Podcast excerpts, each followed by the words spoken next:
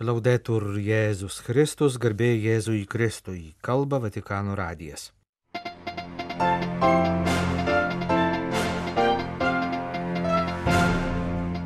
Vaistų siunta popiežiaus vardu pasiūsta nuo žemės drebėjimo nukentėjusiems Turkijos gyventojams. Neramumai šventoje žemėje artėjant didžiai savaitėjai.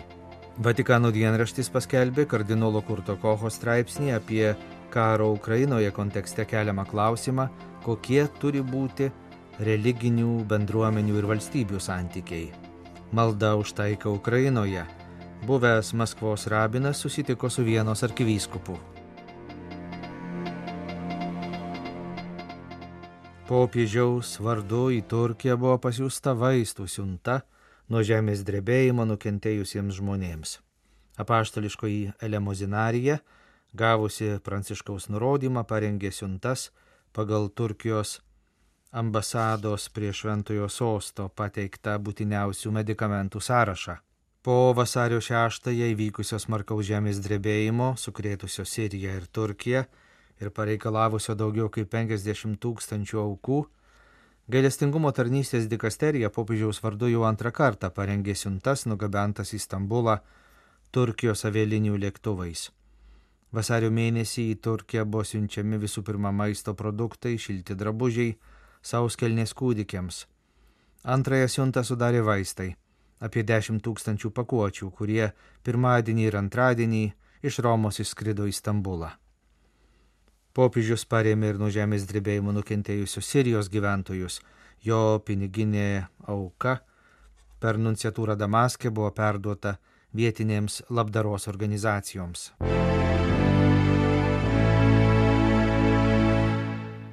Šventosios žemės krikščionys su nerimu rengėsi švęsti Kristaus kančios sekmadienį ir didžiąją savaitę po pakartotinų antikrikščioniškų nepakantumo ir smurto epizodų, kai kurie pastarosiomis dienomis nukreipti prieš katalikus, šaudyta į mokyklą, sudaužyta šventovės statula, grasinta vienuolėms, trukdyta švęsti mišes.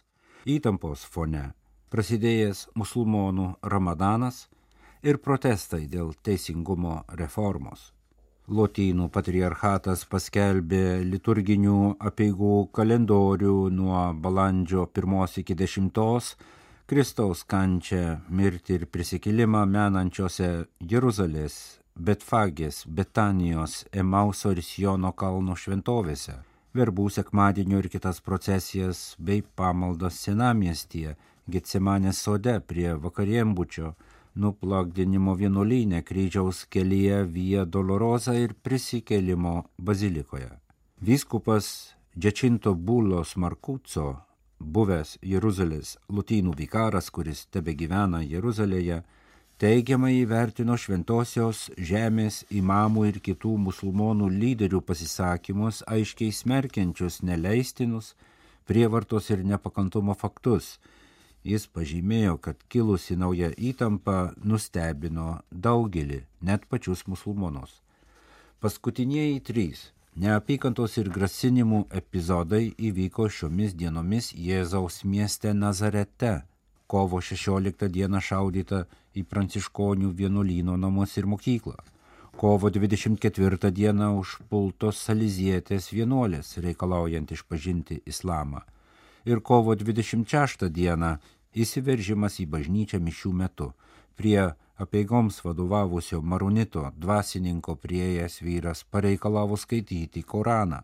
Jam nesutikus, vyras pats ėmė garsiai melstis, tačiau buvo išprašytas. Nazareto bendruomenės išsakė protestą dėl nepriimtinos smurto kampanijos. Krikščioniškų mokyklų Izraelėje generalinis sekretorius kovo 27 dieną paskelbė streiką visose Nazareto mokyklose. Kovo 28 dieną juose rengiama speciali edukacinė programa apie konfesinį smurtą ir būdus, kaip pasipriešinti fundamentalizmo plėtrai. Kovo 29 dieną Seliziečių mokykloje rengiama spaudos konferencija prieš išpolius, o patriarchato vyskupai tą pačią dieną paskelbs oficialų pareiškimą apie kilusią naują antikrikščioniško smurto bangą.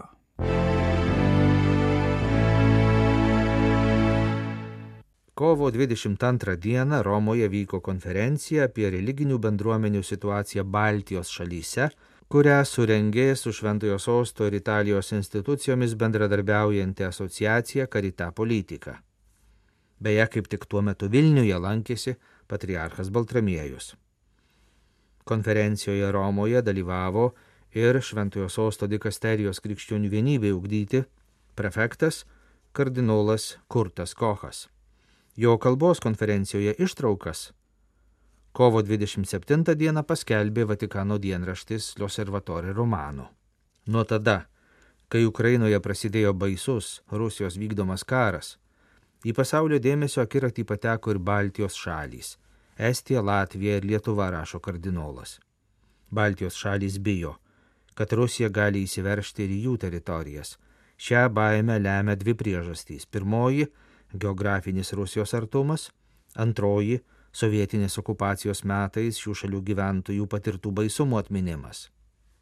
Kardinolas Kochas primena, kad ir popiežius Pranciškus 2018 metais užbaigdamas apaštališkąją kelionę Baltijos šalyse, per įprastinę spaudos konferenciją į Romą grįžtančiame lėktuve, Baltijos šalių istoriją pavadino invazijų, diktatūrų, nusikaltimų, deportacijų istorija popiežius Pranciškus lankėsi šiuose valstybėse jų nepriklausomybės paskelbimo šimtmečio proga.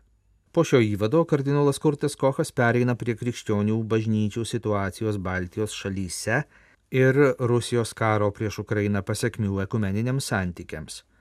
Pasak kardinolo karas ir ypač Maskvos patriarcho požiūris atskleidė, kad Rusijoje tebe egzistuoja sena bažnyčios ir valstybės simfonija. Tačiau kaip teigia kardinolo cituojamas Paderborno ekumenizmo instituto direktorius Johannesas Eldemanas, tas senas bizantiškas valstybės ir bažnyčios santykių modelis šiuo atveju pasiekė savo istorinę pabaigą, nes Rusijos bažnyčios vadovo laikysena tą modelį diskredituoja tiek, kad jis nebeturi šansų išlikti gyvas. Kardinolas pastebi, kad valstybės ir religijos susisiejimas praeitie buvo būdingas ir kitoms šalims ir bažnyčioms. Straipsnėje paminėtas Estijos liuteronų pavyzdys, kai švedų valdymo laikotarpiu liuteronybė buvo oficiali valstybės religija. Tačiau nepriklausomoje Estijoje tokio susisiejimo su valstybė buvo atsisakyta. Kaip teigia Estijos evangelikų liuteronų arkivyskupas Urmas Vilma, nebuvimas valstybinė bažnyčia apsaugo nuo buvimo valstybės naminiais gyvūnais.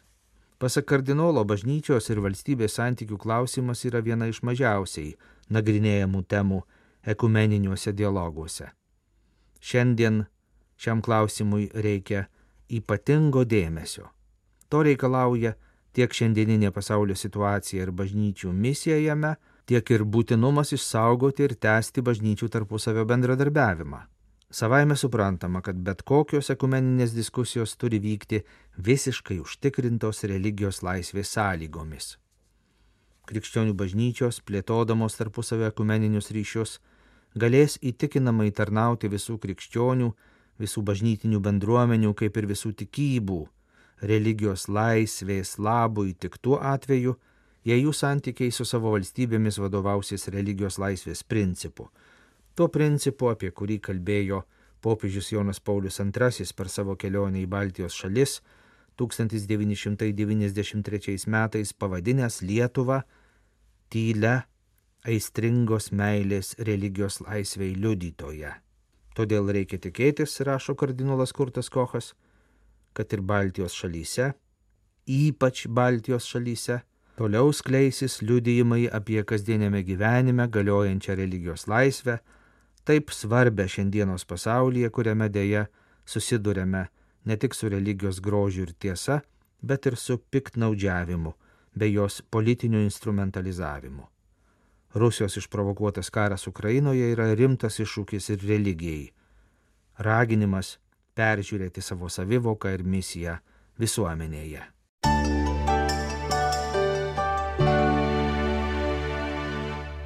Svarbiausias dalykas, kuriam esame dabar pašaukti ir pagrindinė mūsų užduotis - nenuilstamai melstis už taiką, kuri tikrai ateis į mūsų kraštą, sakė Ukrainos Latino peigų katalikų vyskupų konferencijos pirmininkas vyskupas Vitalijus Skomarovskis. Neseniai šias pareigas išrinktas vyskupas praėjusį šeštadienį Berdičiuvo mergelės Marijos šventovėje vadovavo pamaldoms, kuriomis buvo paminėtos Ukrainos paukojimo nekalčiausiai mergelės Marijos širdžiai metinės. Pasak vyskupo, pagrindiniai dalykai, kuriems dabar yra pašaukta bažnyčia Ukrainoje, yra malda už taiką ir kenčiančių žmonių dvasinis palydėjimas. Šiuos metus Lotynų apieigų katalikų bažnyčia Ukrainoje yra paskelbusi gailestingumo metais. Tikimės, kad Dievo gailestingumo dovana, taikos dovana ateis į mūsų šalį, sakė vyskupas. Žinome, kad šiuo metu vyksta kova ne tik dėl fizinio išlikimo, bet vyksta kova už mūsų sielas, sakė kitas Ukrainos Lotynų apieigų katalikų vyskupas Podolės Kamenėco vyskupas auxiliaras Radoslavas Zmitrovičius. Jis pabrėžė, kad šiandien Ukraina patiria baisę Rusijos agresiją ir tiesioginė prasme kovoja už savo gyvybę. Tačiau mes, kaip bažnyčia, taip pat suvokiame, kad vyksta kova ne tik dėl fizinio išlikimo. Taip pat vyksta kova už mūsų sielas, už mūsų apsisprendimą, už Ukrainos ateitį ir už tai, kokia ji bus. Esame visiškai įsitikinę, kad be Dievo nėra ateities ir kad daugelio žmonių kančios be Dievo būtų veltui. Todėl turime likti ištikimi tiesai, kurią Dievas mums apreiškė Jėzuje Kristuje. Šeštadienį kovo 25-ąją per viešpatys apreiškimo mergeliai Marijai šventę ir Ukrainos paukojimo nekalčiausiai mergelės Marijos širdžiai metinės, kunigų seminarijoje Vorzelyje prie Kyivo buvo švenčiama Euharistija, kurios metu apaštališkasis nuncijus arkivyskupas Visvaldas Kulbokas karūnavo Fatimos Dievo motinos statulą. Pernai Vorzelį buvo užėmusi rusų kariuomenė, o seminaristai ir dėstytojai buvo evakuoti. Fatimoje nupirkta Dievo motinos statula stovėjo seminarijos valgykloje, per bombardavimą į statulą pataikė skeveldrą ir ją sugadino. Mums buvo labai simboliška, kad šiemet per apreiškimo šventę apaštališkasis nuncijus karūnavo naują Fatimos Dievo motinos statulą, tai ypatingo popiežiaus pranciškaus buvimo su mumis bažnyčioje Ukrainoje apskritai ir mūsų bendruomenėje konkrečiai ženklas, sakė seminarijos rektorius.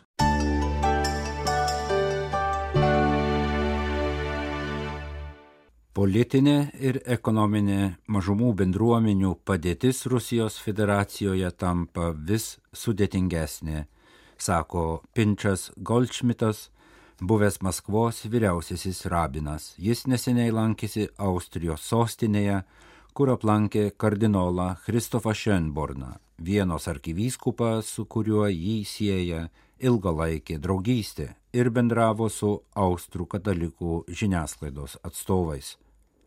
Kalbėdamas apie Rusijos žydų padėtį, Pinčas Golčmitas pažymėjo, kad nuo Rusijos karo prieš Ukrainą pradžios išaugo iš Rusijos išvykstančių žydų skaičius ir padažnėjo antisemitizmo apraiškos iš valdžios pusės. Praėjusiu metu pabaigoje jis paragino Rusijos žydus išvykti iš krašto, kol dar gali. Galimas daiktas, kad ateityje tai nebebus įmanoma, nes kraštas grįžta atgal prie sovietinio modelio, pažymėjo rabinas. Jis pats išvyko iš Rusijos 2022 m. kovą, trumpai po Rusijos invazijos Ukrainoje pradžios.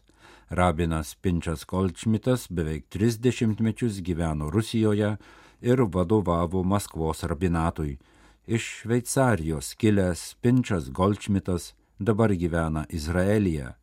Atsisakė Rusijos žydų bendruomenės rabino pareigų tačiau toliau yra Europos rabinų konferencijos pirmininkas. Rusijos karą prieš Ukrainą jis nekarta yra pavadinęs katastrofa, primena Austrų katalikų naujienų portalas CatPress. Anot rabino Pinčio Goldšmito, pastaruoju laikotarpiu iš Rusijos išvyko maždaug 80 tūkstančių žydų. Žydų gyvenimas Rusijoje neišnyks, tačiau bendruomenė sumažės ir taps vargingesnė, pažymėjo jis. Rabinas Pinčas Goldšmitas tvirtino, kad Rusija ko ne visiškai izoliavosi nuo pasaulio. Tikrieji didvyriai yra Rusijos opozicijos lyderiai, kurių nemaža dalis atlieka kalėjimo bausmes arba buvo priversti pabėgti į užsienį. Jiems reikalinga taip pat religinių bendruomenių parama, pažymėjo rabinas. Apie Pinčio Goldšmito apsilankymą kovo 22 dieną Vienoje ir jo susitikimą su Austrijos kardinolu išsamei informavo Vienos arkivyskupijos portalas. Kardinolas Kristofas Šenbornas per socialinius tinklus pasisakė, kad jam buvo malonu po ilgo laiko vėl susitikti su rabinu Pinčiu Goldšmitu, su juo ir jį lydėjusiais asmenimis pasidalyti mintimis aktualiomis temomis. Mes vieningai sutarėme, kad žydus ir krikščionys riša daug vertybių, kurios naudingos taip pat sekuliariam pasauliui, parašė Kristofas Šenbornas. Jūs klausotės Vatikano radio tęsinę programą. Gavėnė tai laikas, kai katalikai kviečiami atsigręžti į savo vidų, peržvelgti santyki su Dievu, taip pat labiau įsitraukti į selovadinės veiklas bažnyčioje, bendruomenėje, parapijoje. Bendruomenė yra ta vieta, kur vyksta įvairios veiklos, nepakanka tik pakeisti mūsų mintis ir grįžti pas Dievą viduje. Mes raginami dalyvauti veiklose, kurios padeda kurti regimą ir dvasinę Dievo šventovę. Šiandien žmonės daug kalba apie sąveiką, kuri atrodo patraukli ir madinga, tačiau jie nepastebi, kaip vyksta tikroji sąveika tarp krikščionių. Internetas nepamainomas daugelie kitų veiklų, tačiau tai tik žmonių išrastas įrankis, kuris neveda tiesiogiai į išganimą. Kunigai ir parapijų bendruomenės yra dieviški apvaizdos instrumentai. Parapija su reziduojančiu kunigu tai Dievo suteiktas instrumentas. Asmo, kuris metai iš metų mokėsi tarnystės, yra kitoks nei materialūs dalykai sukurti per trumpą laiką. Kadaise moteris 12 metų kentėjusi nuo kraujoplūdžio bandė paliesti Jėzaus drabužio kraštą. Šiandien esminis dalykas žmonėms yra prisiliesti prie regimų bažnyčios įrankių, o ne prie kompiuterio klaviatūros ar mobiliųjų telefonų ekranų. Tie, kurie laikosi atokiai nuo parapeinės veiklos ir leidžia laiką internete, lieka nutolę nuo dieviškos malonės. Bažnyčia pasitelkė socialinės medijas tarnauti tiems, kurie fiziškai negali gauti tiesioginės prieigos prie bažnyčios veiklų. Katalikai gali naudoti socialiniais tinklais, kad praplėstų savo suvokimą apie bažnyčią ir parodytų savo priklausimą bažnyčiai. Tačiau kiekvienam katalikui reikia suprasti, kad socialinės medijos nėra kelias vedantis į išganimą.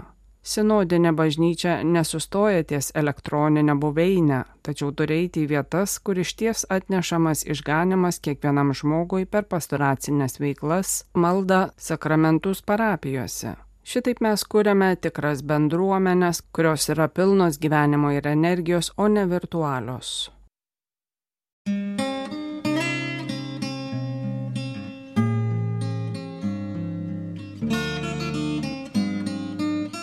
Kalba Vatikanų radijas. Laidą lietuvių kalba baigėme. Garbėjai Jėzui Kristui, laudetur Jėzus Kristus.